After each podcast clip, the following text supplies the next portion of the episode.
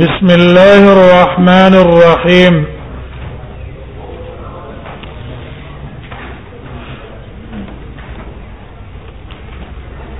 باب ما جاء في فضل الاذان باب بیان د هغه احادیث کې چراغلي دي په بار د فضیلت د اذان کې یو سره اذان د الله د رضا لپاره کوي دنیوي غرض یې پې نه وي مدله چې الله څونه اجر او ثواب پر اذان باندې ورکړي د هغه فضیلت په احادیثو کې چې کم ذکر شوی دی هغه احادیث بیان دي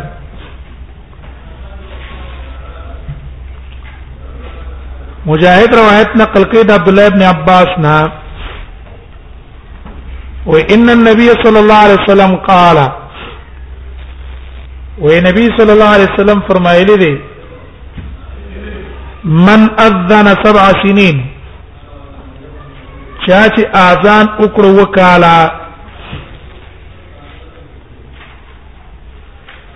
او محتسبا ثواب غنون کې او اجر غنون کې او دي ثواب لرا دنیوي غرض پکې نه و ریاکاری پکې غرض نه و نور مقاصد پکې نشتا صرف الله رضا غرض ده كتبت له براءه من النار وبل کړي چې د لپاره براءت من النار د ورنه د اور نه الله دل برات لکی برات له اور نه ځکه لکی چې دې سړي بار بار دوام کړی په دې کلمې د شهادت او اعلان کړی تر دې چې اوس دا شهادت کلمه د شهادت الله الا الا الله او شهادت محمد رسول الله گویا کې د بدن یو جز ګرځیدل اقرار دیو جن الله به د پاره د جهنم نه برات ورکي ور نه به الله اخلاص کی دا فضیلت د اذان شو چې سره د الله د رضا د پاره اذان کوي دا اذان د الله د رضا د پاره سبب دی د براءت د ورنه دې پوجا به الله دا انسان د ورنه خلاصي قال ابو سعيد امام ترمذي وايي وفي الباب وی په دې باب د فضایل د اذان کې حدیث نقل دی د عبد الله بن مسعود نه هم او د ثوبان رضی الله عنه نه هم عبد الله بن مسعود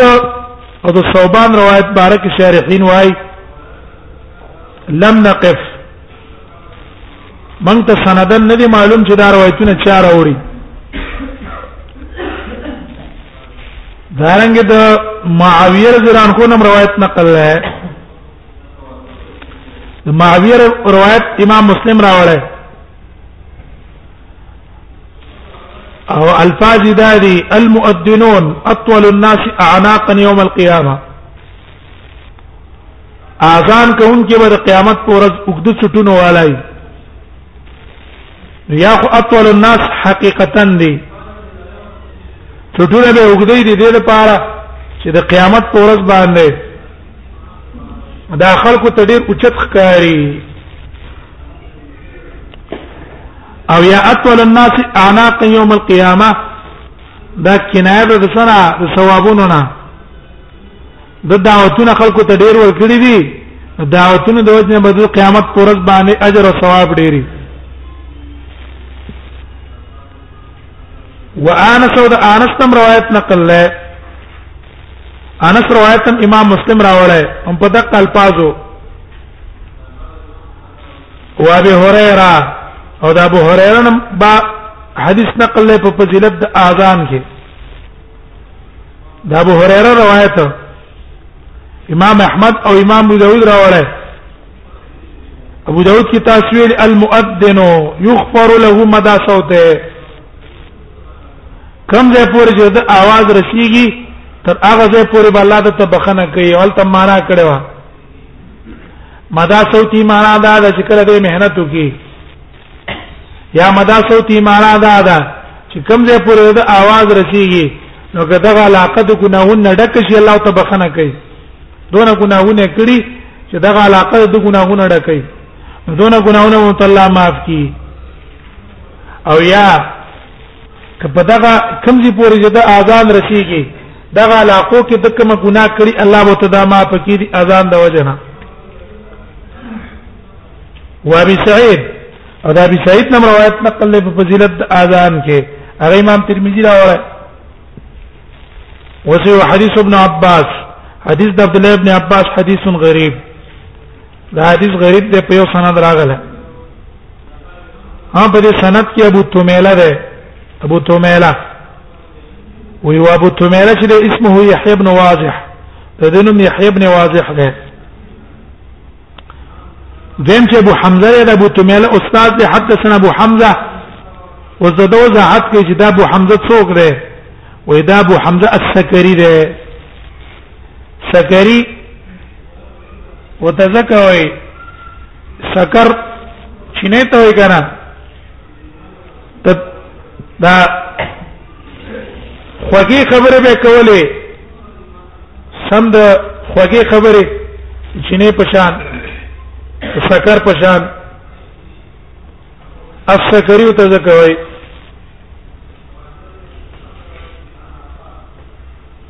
یا شکری ابو حمزه شکری وې د دینوم چې ده اسمه محمد ابن میمون ده وجابر بن يزيد الجعفي هاو د دې په سند کې جابر الجعفي ده عن جابر عن مجاهد مجاهد شاګر څوک ده جابر الجعفي ده او دا جا جابر ابن يزيد الجعفي ضعفوه دي محدثين تضعيف ویل ده ضعيف ده ترکه یحیی ابن سعید یحیی ابن سعید دې پریخه وې من روایت نه نقل کړي عبد الرحمن ابن مهدی دې پریخه وې دا روایت نه نقل کړي دا متروک دی دې په نسبت باندې ها ابو عیسی او سمعت الجارود او امام ابو حنیفه نقل له د مبارکه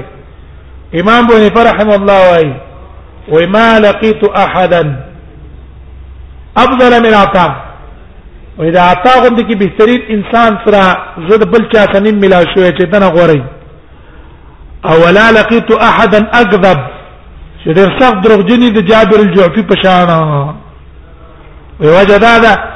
چې زه د جابر الجعفي سره ملا شوم فما اتيت بمساله من رائي و چې ما وتکم قياس پیش کړو د برات حدیث په کې ویلو وای ما وی جره دا ځان نه څه کوي ځان نه دي سينه جوړای دا دروغجن دی هغه پر مې دل خو ها دا ویلي د مبارک وي وکی وای قال ابو عيسى ابو عيسى سمعت الجارود وای ما د جارود نه ورېدلې دي چې ما هغه به ویل چې ما د وکیا نه ورېدلې یقول لولا جابر الجعفي الکجاب جوفینا ہے کنا لکان الکوفت بغیر حدیث کوفی والا بسر حدیث مسرن ہے ادا جابر جوفیل ته تسکی حدیثونه ته بیانې بس پاغه باندې روان دي خپل رائے او قیاسونه پاغه وروستي او ولولا حماد او که حماد پکې نه وي لکان الکوفت بغیر فقه کوفی والا بغیر د فقاهت نه وي او په کوفه کې غټ فقيه څوک دی حماد ده او په غټ محدث په کې څوک ده جابر جوفي ده نو وکی غرض څه ده وکی غرض ترخیب ده په کوپه والا په کوپه کې غټ محدث جابر جوفي ده او جابر جوفي په کومه درجه کې شو زائد شو او غټ فقيه پکې حماد شو ولې به غټ پکې ده وکه حماد پکې نه فقه سره نه او که جابر جوفي پکې نه حدیث سره نه اشاره کوي ته چې کوپی والا دونه تکړه نه دي حدیث په اعتبار باندې پکې دقه یو ځوان نه هغه په اعلی درجه باندې ځوان دی دی هغه مناظر دی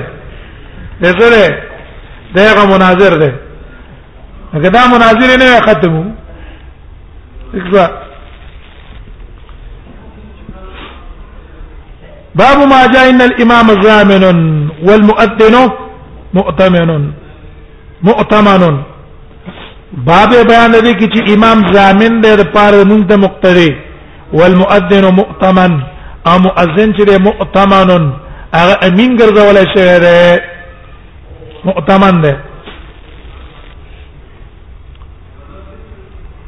غرض دا باب دا ده چې مؤذن با لازم په مؤذن دا ده چې هغه به د وخت رعایت او لحاظ ساتي به وخت مونږ اونګي اذان اونګي د به وخت اذان د وجه نه با خلق را اولګي یا به به وخت روجي ماتي کی او یا به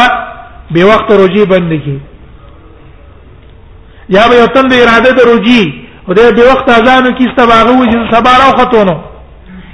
وخت پښتمینا نه فوت شو نو دیو جنا یو وخت بیان کړي دا رنګ دې په برخیږي خامخا د خلکو په کورونو به نظر لګي نو خلک دې امینه ګرځولای چې امینه وګرځاو د خیانت نه پکار چې دې خیانت وکړي والمؤذن مؤتمن او مؤذن چې د مؤتمنون په دې باندې امانت کړی شوی عن ابي هريره رضي الله عنه ابي صالح روایت نقل کړي د ابو هريره رضی الله عنه قال قال رسول الله صلى الله عليه وسلم وی نبی صلی الله علیه وسلم فرمایلی دی الامام ضامنا امام ضامن نه روایت ابو داود کی تاسو ویله ضامن څه معنا ده ضامن یا په معنا د سره حافظ معنی يحفظ على القوم صلاتهم دا به د خلکو د منځونو حفاظت کوي ځکه دا دغه ضامن دی کنه حفاظت به کوي منځ کې با غفلت نه کوي بلکې حفاظت به د منځونو کوي او یا ضامن معنا دا ده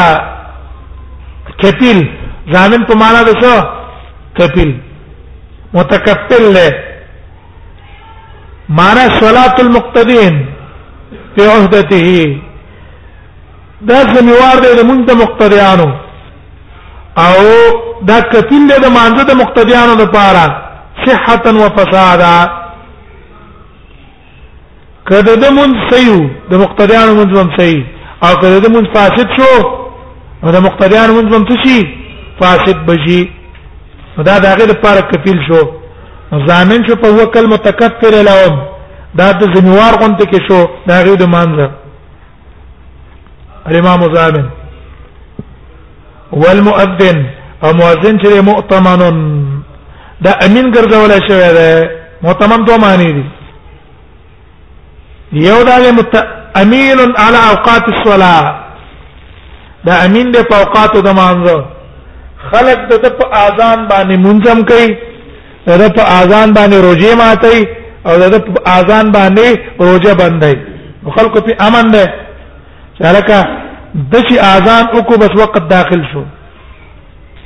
او د چې اذان وکړو شپه تیر شو ورځ رااله یا ورځ تیر شو شپه رااله دا یو معنا ده او دا معنا تایید روایت کې د ابي محذوره تایید کوي روایت د ابي محذوره امام طبراني راوړی المؤذنون امناء الله ودا مؤذنین چې دي دا د الله امینان دی علی فطرهم و سحورهم د دې په فطر او په پښنمی خلق په امن کوي کنه او منا الله الله امینان دی په خپل فطر د خلکو کې او په پښنمی د خلکو کې د دې په اذان باندې روزه ماتي او د دې په اذان باندې روزه بندي بل روایت موږ ته ابو داود کې ته ویلو چې وې دوه شي نه دي د خلکو دا د موجینو په چت کې پراته دي یو کم یو ده منځ بل روزه خلک د دې په اذانونو باندې منځونه کوي او د دې په اذانونو باندې روزه بندي او ماتي دوی مؤتمن من معنا کړی و امین علی عورات الناس امین علی عورات الناس دی امین ګرځولې ده په عورتونو د خلکو عام اکثر په وخت کې مؤذن په پازینو ته قتلو اوچت به اذان کو جوجت ته تحقیق خلقیږي کې دې شي نظر په خلکو باندې وګرځيږي د خلکو په شینو باندې نظر وګرځيږي نو خلک دې امین ګرځي چې لکه دا امانتګر دی زمونږ اورتونه ته به نه ګوري او زمونږ کوم شي نه چې اولی د لا به خلکو ته بیانې باندې دا معنا ده مول مؤذن موتمن بین علماء اختلاف ده چې آیا امامت افضل او اذان افضل نه بعض علماء ویلي دي اذان افضل نه وی ولی وی رسول الله صلی الله علیه وسلم مؤذن تا امین ویلو امین او امین افضل د چانا د کپیلنا امام ته زامن ویلو او مؤذن ته امین ویلو درجه د امین اوچته د درجه د چانا زمين نه د زامن د درجه نه امین اوچته لیکن دویم قول هغه دا دی چې نه درجه د امامت افضل ده د آزاد نه وجه دا ده امام خلیفہ دی د رسول الله خلیفہ دی د ابوبکر خلیفہ دی د عمر او مؤذن خلیفہ دی د بلال وکم بینهما دوه منځ کې څونه فرق ده دیم دې حدیث کې وګورئ امام ته ځامن ویلای زامن مؤذن ته امین ویل امام کپیل کړه د پار د صحت او د فساد خلاف د مؤذن دیو رسول الله صلی الله علیه وسلم دعا چاته کړو مؤذن ته صرف مغفرت دعا کړي اللهم ارشد الائمه امام ته دعا د هدایت کړي یا الله ته هدایت وکړه چاته ائمه او تا تاغي په صحیح هدایت باندې روان کا کدی په صحیح هدایت باندې روانو دې د هدایت اثر په مقتدیانو باندې کیږي تبم صحیح رواني دیو جن چې کوم امام هغه څه په ځړ کې اخلاصي د دعوت دنیا غرض یې نه او اصلاح غرض یې چې دا مقتدیانو صحیح اصلاح وکړي شي نو دا اثر په مقتدیانو باندې کیږي او کنا غرض سره دعوت نو دا اثر په فوق پدیانو نه کیږي اللهم ارشد الائمه یا الله ته امامانو ته هدایت وکا او واغفر للمؤذنین او یا الله مؤذنین ته څوکا بخنه او توکا اغیتا بخنه او کا کم نقصانات تشي کم تقصيرات تشي یا الله ته داغي مغفرت او توکا قال ابو اسحاق وفي الباب عن عائشه په دې باب کې د عائشه رضی الله عنها نم روایت نقل ده هغه روایت ابن حبان راوړ هم نقل پاجي دي وسهل ابن سعد رسال ابن سعد نم روایت نقل ده او د عقبه ابن عامر نم نقل ده سال ابن سعد روایت ابن ماجه راوړ په دې لپاره امام الزامن فإن أحسن فله امام ضامن ده تخي کول ده په پیدا کم ده ولا کوم د مقتدیانو پیدا هم ده وإن أساء فعليه ولا عليهم او امام غلط کار کو نو په دې امام باندې به وبالي او په مقتدیانو باندې به وبال نه وحديث ابي هريره او دا حديث د ابو هريره چې ده رواه سفيان الثوري واذا سفيان الثوري وحبس بن غياث وغير واحد ټول نقل کړي د اعمش انا بسال انا به هريره د مسند چا ګرځولای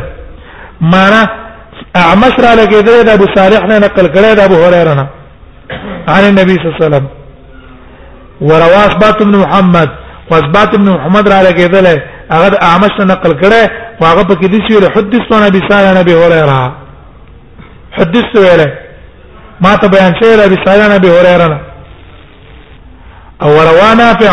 او نافع ابن سليمان نقل کړي د محمد ابن ابي صالح نه عن ابي انا عائشه عن النبي صلى الله عليه وسلم هذا الحديث فزيد ابو هريره شابه ګرځولای د عائشه نه قال ابو سعيد وسمعت ابا زرعه ما د ابو زرعه نه ورېدلې وې حدیث د ابي ساري د ابي هريره نه لا اصح ده د حدیث د ابي ساري نه عائشه نه څه مطلب چې د ابو صالح ملاقات د ابو هريره سره شوی ده لیکن ملاقات د عائشه سره نه شوی د عائشه نه روایت منقطع ده او د ابو هريره روایت متصل ده دا خو دا غره ده ابو زرع خو امام ترمذی وای وسمعت محمدا خو ما د امام بخاری نه اوریدلې دي یقول چې امام بخاری به ویل حدیث د ابي ساره عن عائشه اصح ده هغه د قصې قول کړه هو ذکر علي ابن المديني خو هذا علي ابن المديني هغه قول نقل کړه انه لم يثبت حديث ابي ساره عن ابي هريره چې دواړه منقطع دي پېښوي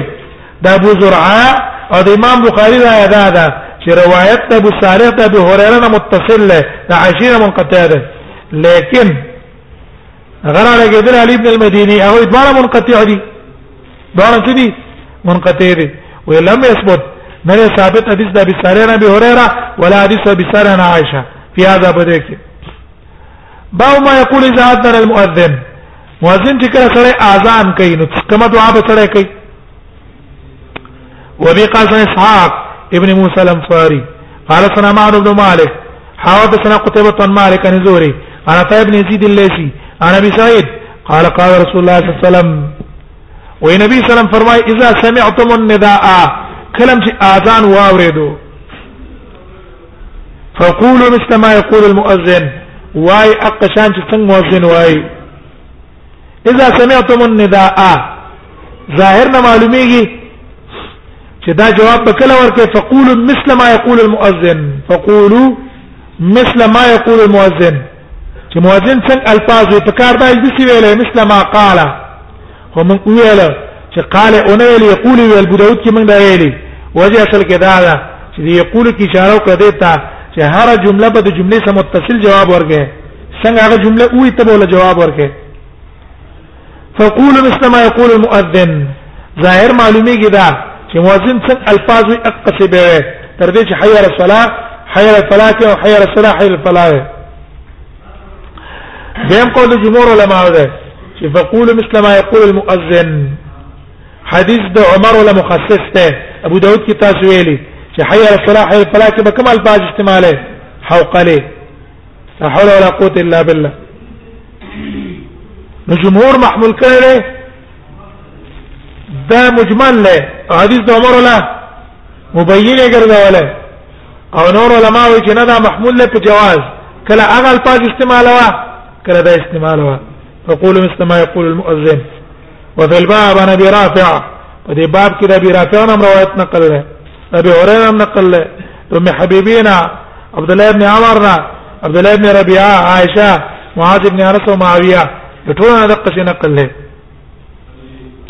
جواب ورکړي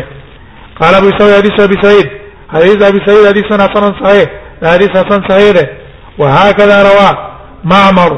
دقه روايه معمر هم کړه وغير واحد نور کسانو نقل کړه د زهري نه مثل حديث مالك وشان ته د حديث مالك وروى عبد الرحمن بن سعد او عبد الرحمن بن اسحاق را لګیدل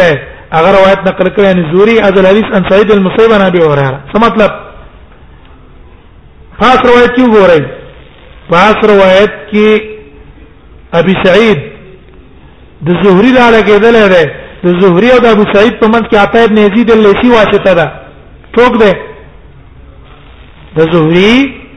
او دا ابي سعيد په منځ کې عطا ابن يزيد الليثي دی لیکن عبد الرحمن را لګیدل